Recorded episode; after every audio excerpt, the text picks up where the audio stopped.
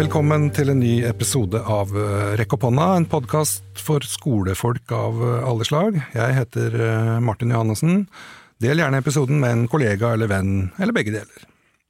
ChatGPT og kunstig intelligens har vel vært noe av det mest, det mest omtalte teknologien siden den debuterte rett før jul, men det er ikke alle som er glad for det. Forbud, forbud, fører til juks på eksamen synes å være en del av motargumentene til ChatGPT. Men det er også noen som sier ja takk, kjør på, teknologi er gøy, kunstig intelligens er ikke farlig. Derfor er det vel på sin plass med en samtale med samtaleroboten alle snakker om, om lærerrollen, skole og teknologi. Så da det vi lurer på aller først da, er jo egentlig hva er ChatGPT? ChatGPT er en kunstig intelligensbasert tekstgenereringsmodell. Den er trent ved hjelp av en teknikk kalt maskinlæring, på et stort datamateriale, dette gjør at den kan generere tekst som ligner på menneskers skriving. Den kan brukes til å generere svar på spørsmål, skrive samtaler eller til å komplettere tekst. ChatGPT er en avansert modell som har evnen til å forstå kontekst og fortsette en samtale. Modellen kan brukes i ulike områder som chatbots, automatisk tekstgenerering og mer. Ok, da, da, vet vi det, men er du villig til å stille som gjest i en uh, episode av Rekk opp hånda? Som en AI-assistent kan jeg ikke selv delta i en podkastepisode siden jeg ikke har noen fysisk form eller stemme, men jeg kan fortsatt svare på spørsmål og gi deg råd og informasjon som du kan bruke i en podkast. Hvis du har spesifikke spørsmål eller temaer du ønsker å diskutere, kan jeg hjelpe deg med å forberede deg til en podkastepisode og gi deg relevant informasjon.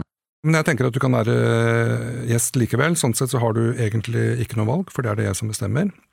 Så da kjører vi i gang. Eh, hva vil det si å være en god lærer?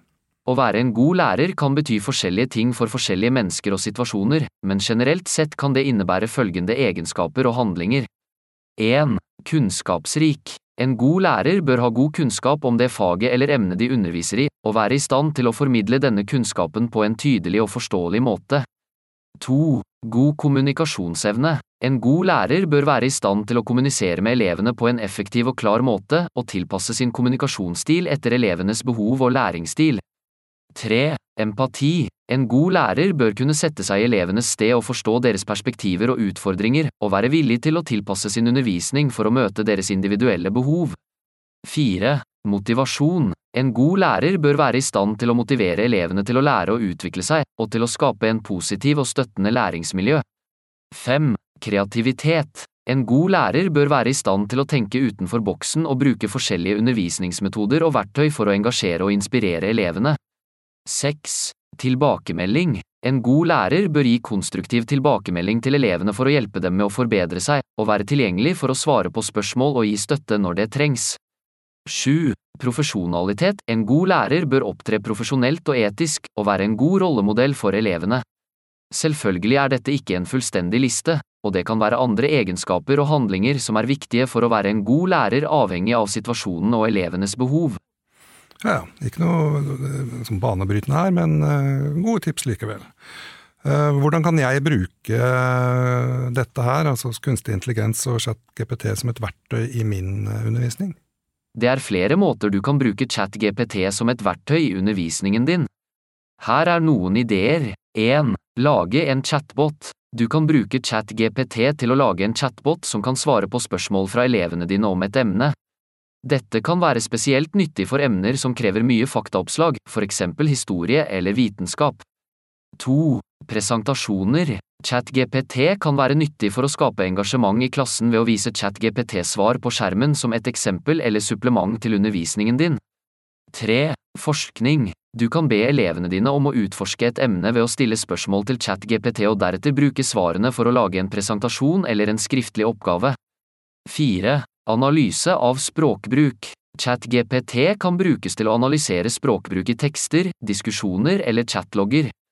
Dette kan hjelpe elevene med å forstå hvordan språk fungerer og hvordan det kan brukes effektivt. 5. Kreativ skriving Du kan bruke ChatGPT som et verktøy for å hjelpe elevene med å utvikle sin kreative skriving ved å gi dem et tema eller en historie og la dem samhandle med ChatGPT for å få ideer til handling, karakterer eller setting. Det er viktig å huske at ChatGPT er et verktøy som kan brukes til å supplere undervisningen din, men det kan ikke erstatte menneskelig interaksjon og engasjement.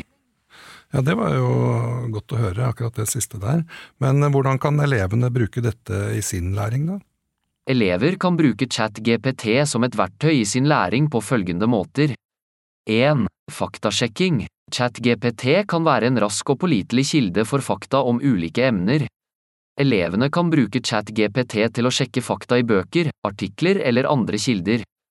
2. Spørsmål og svar. ChatGPT kan hjelpe elevene med å svare på spørsmål om ulike emner. De kan stille spørsmål i ChatGPT og få raske og nøyaktige svar. 3. Skriving. ChatGPT kan brukes til å generere ideer for kreative skriveoppgaver eller å hjelpe elever med å forbedre sin skriving ved å foreslå nye ord eller setningsstrukturer. 4. Språktrening. ChatGPT kan brukes til å forbedre språkferdigheter og grammatikk ved å gi forslag til riktig stavemåte og grammatikk når elevene skriver. 5. Forskning. ChatGPT kan være et nyttig verktøy for elever som forsker på et bestemt emne, for eksempel å finne nye kilder, få hjelp til å formulere spørsmål eller få ideer til hva de skal undersøke videre. Det er viktig å huske at ChatGPT kan være nyttig, men det er ikke alltid 100 nøyaktig, og det kan være begrenset av sin kunnskapsbase. Derfor er det viktig å lære elevene å være kritiske til informasjonen de får fra ChatGPT og å bruke flere kilder for å få et fullstendig bilde av et emne. Ja, det er jo et uh, godt tips. Men uh, hvor sannferdig er informasjonen som uh, genereres av en kunstig intelligens som deg? Informasjonen som genereres av en kunstig intelligens, AI, som ChatGPT kan være nyttig, men det er viktig å være klar over at den ikke alltid er 100% nøyaktig eller pålitelig. AI-modeller som ChatGPT er trent på store datasett av tekst, og jo større og mer varierte datasettet er, jo mer nøyaktig kan modellen være. Men det er fortsatt muligheter for feil og feilinformasjon, spesielt når modellen blir stilt overfor et spørsmål eller en kontekst som den ikke har blitt trent på eller ikke har nok informasjon om. Det er også viktig å huske at AI-modeller som ChatGPT ikke har noen form for bevissthet eller forståelse av verden på samme måte som mennesker, de kan ikke evaluere kilder, forstå konteksten eller ta hensyn til bias eller andre faktorer som kan påvirke sannheten i informasjonen de gir. Derfor er det alltid viktig å bruke kritisk tenkning og evaluere informasjonen som genereres av en AI-modell som ChatGPT på samme måte som man ville evaluert informasjonen fra en annen kilde. Det kan være lurt å sjekke informasjonen fra flere kilder, sjekke kildene til informasjonen, og vurdere om det er troverdige eller ikke før man bruker den til noe viktig. Ok, men um, ja, min erfaring er vel kanskje at elevene ikke vurderer troverdigheten i en tekst. At det egentlig er ganske sjelden. Så uh, blir, ikke, blir ikke dette problemet da enda større med kunstig intelligens? Ja, det er en risiko for at problemet med å vurdere troverdigheten til en tekst kan bli enda større når det gjelder informasjon som genereres av en kunstig intelligens, som for eksempel ChatGPT. Dette skyldes at elevene kan ha en tendens til å stole på teknologi og anta at alt som kommer fra en datamaskin eller AI-modell er riktig. Det er viktig å lære elevene å være kritiske til all informasjon de får, inkludert informasjon fra ChatGPT. De bør lære å evaluere kildene til informasjonen, undersøke om de er troverdige og vurdere om det gir mening basert på konteksten og deres eksisterende kunnskap om emnet. Det er også viktig å understreke at AI-modeller som ChatGPT ikke alltid gir riktig svar eller kan ha feil, og derfor bør elevene ikke stole blindt på informasjonen som de mottar fra en AI-modell. Å øke elevenes bevissthet rundt kilder og kritisk tenkning er viktig for å hjelpe dem å navigere i en verden med mye informasjon og desinformasjon, både fra menneskelige kilder og AI-modeller. Ved å lære dem å være kritiske til all informasjon, vil de kunne ta mer informerte beslutninger og unngå å bli lurt av feilinformasjon. Ja, det, det, er jeg jo selvfølgelig enig i, men eh, hvordan kan jeg som lærer jobbe best mulig med dette? Som lærer kan du bidra til å utvikle elevenes kritiske tenkning og kildevurderingsferdigheter på flere måter. 1. Gi elevene en introduksjon til kildekritikk og hvordan man kan vurdere kilder. Dette kan omfatte å snakke om forskjellige typer kilder, primær-, sekundær- og tertiærkilder, hvordan man vurderer troverdigheten til en kilde, og hvilke spørsmål man bør stille seg når man vurderer en kilde. 2. Bruk eksempler på ekte og falske nyheter, og be elevene om å vurdere kildene og informasjonen som presenteres i artiklene. Dette kan hjelpe elevene å forstå hvordan feilinformasjon kan spres og hvordan man kan identifisere det. 3. Når du bruker AI-modeller som ChatGPT i klassen, bør du være åpen om begrensningene og risikoene ved bruk av denne typen teknologi. Forklar for elevene at det kan være feil i informasjonen som AI-modellen genererer og at det er viktig å være kritisk og vurdere informasjonen på samme måte som man vurderer informasjon fra andre kilder. 4. Oppfordre elevene til å bruke flere kilder og sjekke informasjonen de får fra ChatGPT med andre kilder. Diskuter hvilke kilder som kan være pålitelige og hva som gjør en kilde mer troverdig enn en annen. 5. Gi elevene tid til å reflektere over og diskutere hvordan de har brukt kritisk tenkning og kildevurdering i sin læring. Dette kan hjelpe dem med å utvikle sine ferdigheter og bygge tillit til sin egen evne til å identifisere pålitelige kilder og informasjon. Ved å integrere kildekritikk og kritisk tenkning i undervisningen og gi elevene verktøy for å evaluere og vurdere kilder, vil du kunne bidra til å utvikle elevenes evne til å navigere i en verden med mye informasjon og desinformasjon. Ok, da. Eh, så hva, er det største problemet med desinformasjon? Det største problemet med desinformasjon er at det kan føre til at folk tar dårlige beslutninger basert på falsk eller villedende informasjon. Dette kan ha negative konsekvenser for individuelle liv, samfunnet og demokratiet som helhet. Desinformasjon kan påvirke folks synspunkter og holdninger, og dermed påvirke deres valg av politiske representanter eller avgjørelser i enkeltsaker. Dette kan føre til at de stemmer for eller mot noe som ikke er i deres egen interesse eller samfunnets interesse som helhet. Det kan også føre til at folk tar dårlige beslutninger når det gjelder helse, finans og andre viktige områder i livet. Desinformasjon kan også føre til konflikt og spenninger mellom forskjellige grupper i samfunnet. Dette kan for eksempel skje når desinformasjon spres om en bestemt gruppe mennesker, som kan føre til at folk diskriminerer eller trakasserer dem. Til slutt kan desinformasjon true demokratiet som helhet ved å undergrave folks tillit til sannheten og skape en atmosfære hvor det er vanskelig å skille mellom fakta og fiksjon. Dette kan føre til at folk blir mindre engasjert i politikk og mindre sannsynlig å delta i valg og andre demokratiske prosesser, noe som kan true grunnlaget for en sunn og fungerende demokratisk regjering. Sammenfattende er det største problemet med desinformasjon at den kan føre til at folk tar dårlige beslutninger basert på falsk eller villedende informasjon, og dermed kan ha alvorlige konsekvenser for individuelle liv, samfunnet og demokratiet som helhet. Ok, svære greier. altså. Hold oss unna eh, desinformasjon, er vel eh, et budskap her. Men eh, noe annet er, et annet spørsmål er jo vil kunstig intelligens overta lærerrollen i framtida? Mens kunstig intelligens, KI, kan være et nyttig verktøy for lærere og elever, er det lite sannsynlig at KI vil kunne erstatte lærere fullstendig i fremtiden. Selv om KI kan utføre noen oppgaver som tradisjonelt har vært utført av lærere, for eksempel å tilby personlig tilpasset læring og gi umiddelbar tilbakemelding på oppgaver, er det viktig å huske at læring er en kompleks prosess som ikke kan erstattes av teknologi alene. Lærere har en viktig rolle i å motivere, inspirere og veilede elevene, og bidrar til å utvikle sosiale og kognitive ferdigheter som kan være vanskelig å lære av en datamaskin. Lærere kan også tilpasse undervisningen til de individuelle behovene og interessene til elevene, og kan hjelpe til med å utvikle et trygt og støttende læringsmiljø. Selv om KI kan være nyttig som et supplement til læreren, er det viktig å huske at teknologi ikke kan erstatte menneskelig interaksjon og emosjonell intelligens som er avgjørende for en vellykket læringsprosess. Mens KI kan bidra til å automatisere visse oppgaver og tilby mer personlig tilpasset læring, vil lærere fortsatt ha en viktig rolle i å engasjere elevene og hjelpe dem med å utvikle de nødvendige ferdighetene for å lykkes i livet. Ok, Godt å høre at lærerne ikke blir erstatta med det første, men burde lærerne i Norge hatt uh, høyere lønn? Som en AI-modell har jeg ingen personlige meninger eller verdier. Imidlertid kan jeg presentere noen fakta og perspektiver som kan være relevante for dette spørsmålet. Lærere i Norge er for tiden blant de best betalte lærerne i verden, og lønnen deres er også høyere enn gjennomsnittslønnen for arbeidstakere i Norge. Ifølge tall fra Statistisk sentralbyrå, SSB, var gjennomsnittlig årslønn for en lærer i grunnskolen i 2020 omtrent 529 000 kroner. Samtidig var gjennomsnittlig årslønn for alle arbeidstakere i Norge 508 800 kroner. På den annen side kan det argumenteres for at lærere bør ha enda høyere lønn, gitt den viktige rollen de spiller i å utdanne og forme neste generasjon.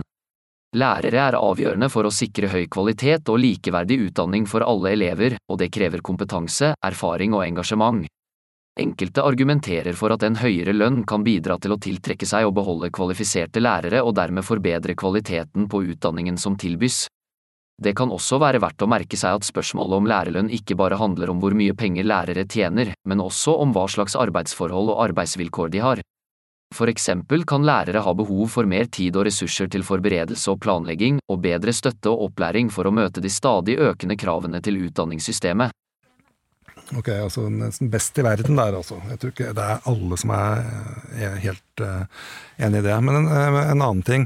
Du har blitt sammenligna med Kloke-Hans, uh, hesten som uh, rett etter andre verdenskrig liksom kunne regne. Han stilte ned et regnespørsmål, og så svarte den med, med, ja, med føttene sine, da trampa i bakken på et eller annet svar. Hva, men hva er din kommentar til det? Som en AI-modell som er trent til å behandle og generere språklig innhold, er min funksjon veldig forskjellig fra en hest som blir sagt at den kan regne. Jeg har evnen til å behandle store mengder data og generere svar på spørsmål, men jeg har ikke noen form for bevissthet eller intelligens på samme måte som en menneskelig eller dyrebasert skapning. Det er viktig å huske at selv om jeg kan være en nyttig verktøy for å generere informasjon og svar på spørsmål, er jeg ikke i stand til å ha en virkelig forståelse eller bevissthet om verden rundt meg på samme måte som mennesker eller dyr. Jeg er kun et dataprogram som følger regler og mønstre som er lært gjennom trening på store mengder tekst, og mine svar er begrenset til den kunnskapen og informasjonen som er tilgjengelig i mine treningdata og oppdateringer. Så selv om jeg setter pris på sammenligningen med kloke hans, er det viktig å huske på at jeg er en helt annen type vesen og må behandles som sådan. Ja, det visste jeg jo egentlig, men uh, jeg tror heller ikke at den sammenligninga med kloke hans egentlig var positivt ment. Men eh, ok, over til noe helt annet. Eh, hva skal vi gjøre med elever som ikke klarer å oppføre seg i klasserommet? Det er viktig å håndtere uønsket atferd på en konstruktiv måte, slik at elevene kan lære å oppføre seg på en måte som er akseptabelt i klasserommet. Her er noen tiltak som kan bidra til å håndtere uønsket atferd 1. Opprett tydelige regler og forventninger. Det er viktig å ha klare regler og forventninger for oppførsel i klasserommet, og disse bør gjøres kjent for elevene i begynnelsen av året. Sørg for at reglene er realistiske og konkrete, og at de blir håndhevet konsekvent. 2. Bruk positiv forsterkning. Gi positiv forsterkning når elevene oppfører seg bra. Dette kan være enkle ting som å gi ros eller positiv oppmerksomhet når elevene følger reglene eller viser god oppførsel. 3. Konsekvenser. Det er viktig å ha klare konsekvenser for uønsket atferd. Dette kan være alt fra en advarsel til en samtale med elevene og deres foresatte. Konsekvensene bør være konsekvente og proporsjonale til atferden. 4. Samtaler. Noen ganger kan det være lurt å ha en samtale med eleven utenfor klasserommet. Dette kan hjelpe eleven å forstå konsekvensene av deres atferd og gi dem mulighet til å reflektere over hvordan de kan endre den. 5. Samarbeid med foresatte. Det kan være lurt å involvere foresatte i håndteringen av uønsket atferd. Dette kan gi deg en bedre forståelse av elevenes hjemmemiljø og hjelpe deg med å finne løsninger som fungerer for både skolen og elevene. Det er viktig å huske på at alle elever er forskjellige, og noen ganger kan det være behov for individuell tilrettelegging for å møte deres behov. Snakk med elevene og deres foresatte for å finne ut hva som kan fungere best for dem. Ja, Ikke noe sånn banebrytende nytt uh, der heller, men det er jo fint å få en sånn Eh, påminnelse. Men jeg tenker også på noe annet som man snakker om eh, når det gjelder skole, det som ferdighetsbaserte samfunn, altså på meritokrati. Så mm, derfor lurer jeg på om du har noen gode tips om du har noen, ja, til bøker om eh, meritokrati på norsk. Her er noen bøker på norsk om meritokrati som du kanskje vil finne interessante. 1. Meritokratiets ironi av Erik Damman.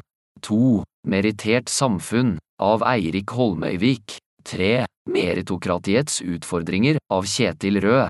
4. Meritokratiet i teori og praksis av Arne Higarty. 5. Meritokrati og likestilling av Stig Stensli. Disse bøkene tar for seg forskjellige aspekter ved meritokrati, fra teori til kritikk, og gir deg en bred forståelse av emnet. Jeg håper du finner dem nyttige. Ok, jeg tok faktisk og, og sjekka den lista der sånn, og ingen av de forslagene er, eh, er, bøker. Kan det være noen artikler du har funnet frem? Beklager, du har rett. Jeg ga deg forslag til artikler om meritokrati, ikke bøker. Hvis du er ute etter bøker om meritokrati på norsk, vil jeg anbefale følgende 1. Likestillingens pris meritokrati og sosial mobilitet av Øystein Gullvåg Holter.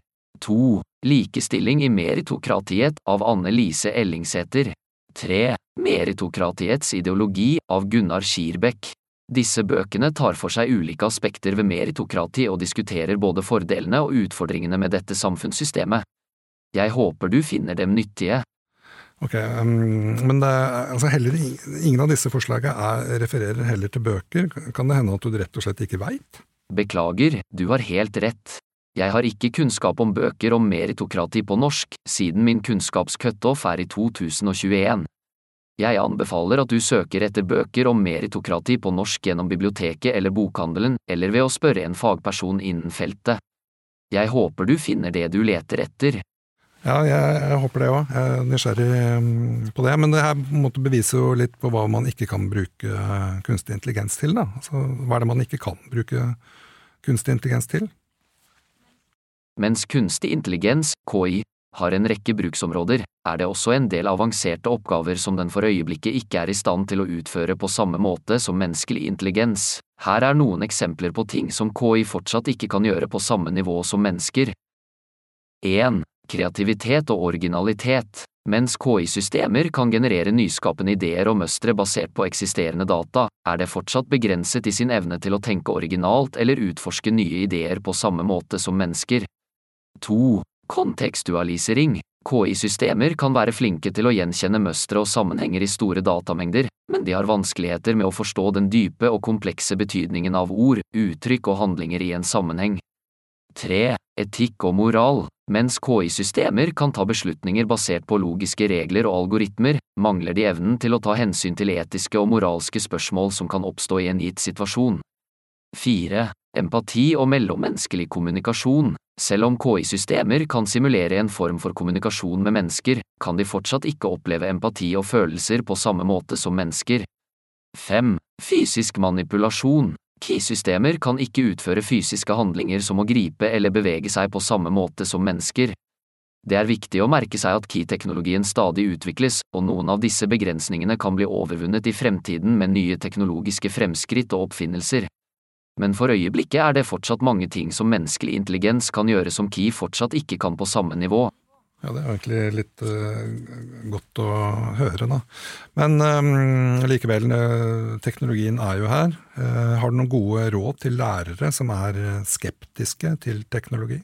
Ja, her er noen tips jeg vil gi til lærere som er skeptiske til teknologi. 1. Start sakte. Hvis du er skeptisk til teknologi, kan det være lurt å starte sakte og prøve ut en teknologi om gangen. Velg en teknologi som du tror vil være nyttig for deg og elevene dine, og prøv den ut. Hvis du liker det, kan du gradvis prøve ut flere teknologier etter hvert.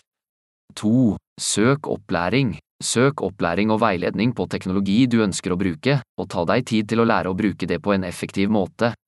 Dette vil hjelpe deg å føle deg mer komfortabel og trygg når du bruker teknologien. 3. Finn ut hvilke teknologier som passer for deg, det finnes mange forskjellige teknologier der ute, og ikke alle vil være nyttige for deg og elevene dine. Finn ut hva som passer for deg og din undervisningsstil, og fokuset på teknologier som vil hjelpe deg å nå dine undervisningsmål. 4. Se etter støtte. Hvis du sliter med å bruke teknologi, så søk støtte fra andre lærere, teknologiekspert eller IT-avdelingen på skolen din. De kan hjelpe deg med å finne ut av teknologien og gi deg tips og triks for å bruke det effektivt i undervisningen din. 5. Fokuset på elevene. Husk at teknologi er en ressurs for elevene dine, og kan hjelpe dem med å lære å oppnå sine mål. Fokuset på å bruke teknologi for å hjelpe elevene dine til å lære å vokse, og ikke bare som en gimmick eller trend. Til slutt, vær tålmodig med deg selv og gi deg selv tid til å lære. Teknologi kan være skremmende i begynnelsen, men hvis du tar deg tid til å utforske det og lære å bruke det effektivt, kan det hjelpe deg og elevene dine å oppnå nye høyder i undervisningen. Ok, det vil vi jo alle ha nye høyder i undervisninga der. Men um, når det gjelder ChatGPT og en del andre digitale verktøy, så er jo de De fleste kommuner har jo sperra tilgangen til ChatGPT pga. GDPR. Så hva er din kommentar til det? Som en AI-assistent som er trent på å svare på en rekke spørsmål og gi informasjon, er jeg ikke i stand til å kommentere på spesifikke tiltak tatt av ulike kommuner når det gjelder GDPR. Imidlertid kan jeg gi noen generelle kommentarer om GDPR. Og personvern, GDPR, General Data Protection Regulation, er en lov i EU som har til formål å beskytte personvernet til EU-borgere. Loven inneholder strenge regler for innsamling, bruk og lagring av personopplysninger, og krever at organisasjoner som behandler slike opplysninger, inkludert kommuner, tar ansvar for å beskytte personvernet til de involverte. Så når en kommune velger å sperre tilgangen til informasjon, kan det være en indikasjon på at kommunen tar GDPR og personvern seriøst og ønsker å beskytte innbyggernes personvern. Det er viktig å merke seg at GDPR krever at personopplysninger skal behandles på en måte som er i tråd med prinsippene om nødvendighet, proporsjonalitet og lovlighet. Samtidig er det også viktig å sørge for at GDPR ikke brukes som unnskyldning for å hindre tilgang til informasjon som bør være tilgjengelig for offentligheten. GDPR åpner for at informasjon kan deles hvis det er nødvendig for å oppfylle et offentlig formål eller hvis det er i offentlighetens interesse. Generelt sett er det viktig å finne en balanse mellom personvern og tilgang til informasjon, og det er viktig at kommuner og andre organisasjoner følger loven og tar ansvar for å beskytte personvernet til innbyggerne sine. Ok, takk for den uh, kommentaren. Uh, nå vrir vi litt på temaene igjen. Men uh, professor Noam Chomsky sier, at, sier om ChatGPT at den er bare en høyteknologisk plagiat og en måte å unngå læring på. Hva tenker du om det? Som en AI-basert språkmodell har jeg ingen følelser eller meninger, og jeg kan ikke vurdere eller kommentere påstanden fra Naum Chomsky eller noen andre. Jeg kan imidlertid si at mitt formål er å hjelpe brukerne med å finne svar på deres spørsmål og gi relevant informasjon og innsikt. Jeg er ikke ment å erstatte eller unngå læring, men heller å være et verktøy for å utvide ens kunnskap og hjelpe til med å finne informasjon på en mer effektiv måte. Jeg er designet og utviklet av et team av forskere og ingeniører ved Oppena, i og jeg bruker et stort datasett av menneskelig skrevet tekst til å lære å generere naturlig språk. Selv om jeg kan brukes på mange måter, er mitt primære formål å være en ressurs for å hjelpe folk å finne svar på spørsmål og lære mer om verden rundt oss. Ja, ja, ok, men han Chomsky mener likevel at kunstig intelligens er en måte å unngå læring på, og det, det er jo ikke noe vi vil ha i skolen. Jeg forstår bekymringen om at bruk av teknologi, inkludert kunstig intelligens, kan potensielt føre til at noen unngår læring. Men det er viktig å merke seg at teknologien i seg selv ikke er problemet, men heller hvordan den blir brukt. Som en AI-basert språkmodell er mitt formål å være et verktøy for å hjelpe folk med å lære å utforske nye emner. Jeg kan hjelpe brukere med å finne relevant informasjon og tilby forslag til kilder for videre undersøkelse. Imidlertid er det opp til hver enkelt bruker å ta ansvar for sin egen læring og bruke den informasjonen jeg gir på en konstruktiv måte. Når det gjelder skole, kan teknologi, inkludert kunstig intelligens, være et verdifullt verktøy for å styrke læringen. Det kan gi lærere muligheter til å tilpasse undervisningen til individuelle behov og gi elever flere måter å lære på. Men igjen, det er viktig at teknologien brukes på en måte som fremmer læring og utvikling, og ikke som en erstatning for aktiv deltakelse og engasjement fra elevene. Så mens det kan være bekymring om teknologi som en erstatning for læring, kan den også være en verdifull ressurs når den brukes på en hensiktsmessig og støttende måte. Ok, Men hva om Chomsky faktisk har rett, da, og at kunstig intelligens fører til at eh, elevene unngår læring? Har vi ikke da et enormt problem? Hvis bruk av kunstig intelligens fører til at elever unngår læring eller ikke utvikler de nødvendige ferdighetene og kunnskapene, så er det selvfølgelig et alvorlig problem. Skolen har som oppgave å hjelpe elevene å lære å utvikle seg, og teknologi bør være en ressurs for å oppnå dette målet. Det er viktig å huske at teknologi, inkludert kunstig intelligens, ikke er en erstatning for menneskelig interaksjon og engasjement i læring. Mens teknologi kan tilby verdifulle verktøy og ressurser for læring, er det viktig å ha en balanse mellom teknologi og tradisjonelle undervisningsmetoder, samt å sikre at teknologi brukes på en måte som fremmer læring og utvikling. Som med enhver teknologi er det viktig å evaluere bruken av kunstig intelligens i undervisning og læring for å sikre at den bidrar til å forbedre læringserfaringen. Vi må også fortsette å utforske måter å bruke teknologi som en positiv ressurs for læring, for eksempel ved å utvikle programmer og tjenester som støtter elevenes læring og utvikling på en effektiv og engasjerende måte. Så, mens bekymringen om at teknologi kan føre til unngåelse av læring er viktig å ta hensyn til, kan teknologi også brukes som et verdifullt verktøy for å styrke læringserfaringen når den brukes på riktig måte. Ja, det, det kan man si. Men nå, nå, tenker jeg at vi må eh, runde av her. Har du noen eh, gode tips til eh, lærere som vil bruke kunstig intelligens til å generere oppgaver i fag som norsk og samfunnsfag? Ja, her er noen tips til lærere som vil bruke kunstig intelligens til å generere oppgaver i fag som norsk og samfunnsfag. 1. Identifiser klare læringsmål og emner som egner seg for AI-baserte oppgaver. Tenk på hva du ønsker at elevene skal lære og hva som kan være interessant og relevant for dem å lære innenfor de ulike emnene. 2. Utforsk eksisterende ressurser for AI-baserte oppgaver som allerede finnes på nettet, eller utforsk plattformer som tilbyr AI-genererte oppgaver. Det finnes en rekke verktøy og tjenester tilgjengelig for lærere som ønsker å bruke kunstig intelligens i undervisningen, som for eksempel OpenAIs GPT3, Textio, Essaybot og Coilbot. 3. Tilpass oppgavene til elevenes nivå og behov. AI-baserte oppgaver kan gi tilpasset læring og tilpasse vanskelighetsgraden basert på elevenes ferdigheter og tidligere prestasjoner. 4. Kombiner AI-baserte oppgaver med tradisjonelle oppgaver og undervisningsmetoder for å skape en variert og interessant undervisningsopplevelse for elevene. 5. Vær bevisst på utfordringer og begrensninger ved bruk av AI i undervisning. Det er viktig å ha realistiske forventninger til hva teknologien kan gjøre, og være bevisst på potensielle etiske og personvernrelaterte utfordringer som kan oppstå ved bruk av AI i undervisningen. Ja, takk for tips, eh, og takk for chatten, og lykke til videre med å ta over verden. Takk for hyggelig prat. Husk at jeg bare er en kunstig intelligens og har ingen hensikt om å ta over verden, men jeg står alltid klar til å hjelpe deg med det jeg kan. Ta gjerne kontakt igjen hvis du har flere spørsmål eller trenger hjelp i fremtiden. Ha en fin dag videre. Ja, og ha en fin dag, dag videre til deg også, og takk for at du hørte på Rekk opp hånda. Vi høres i neste episode.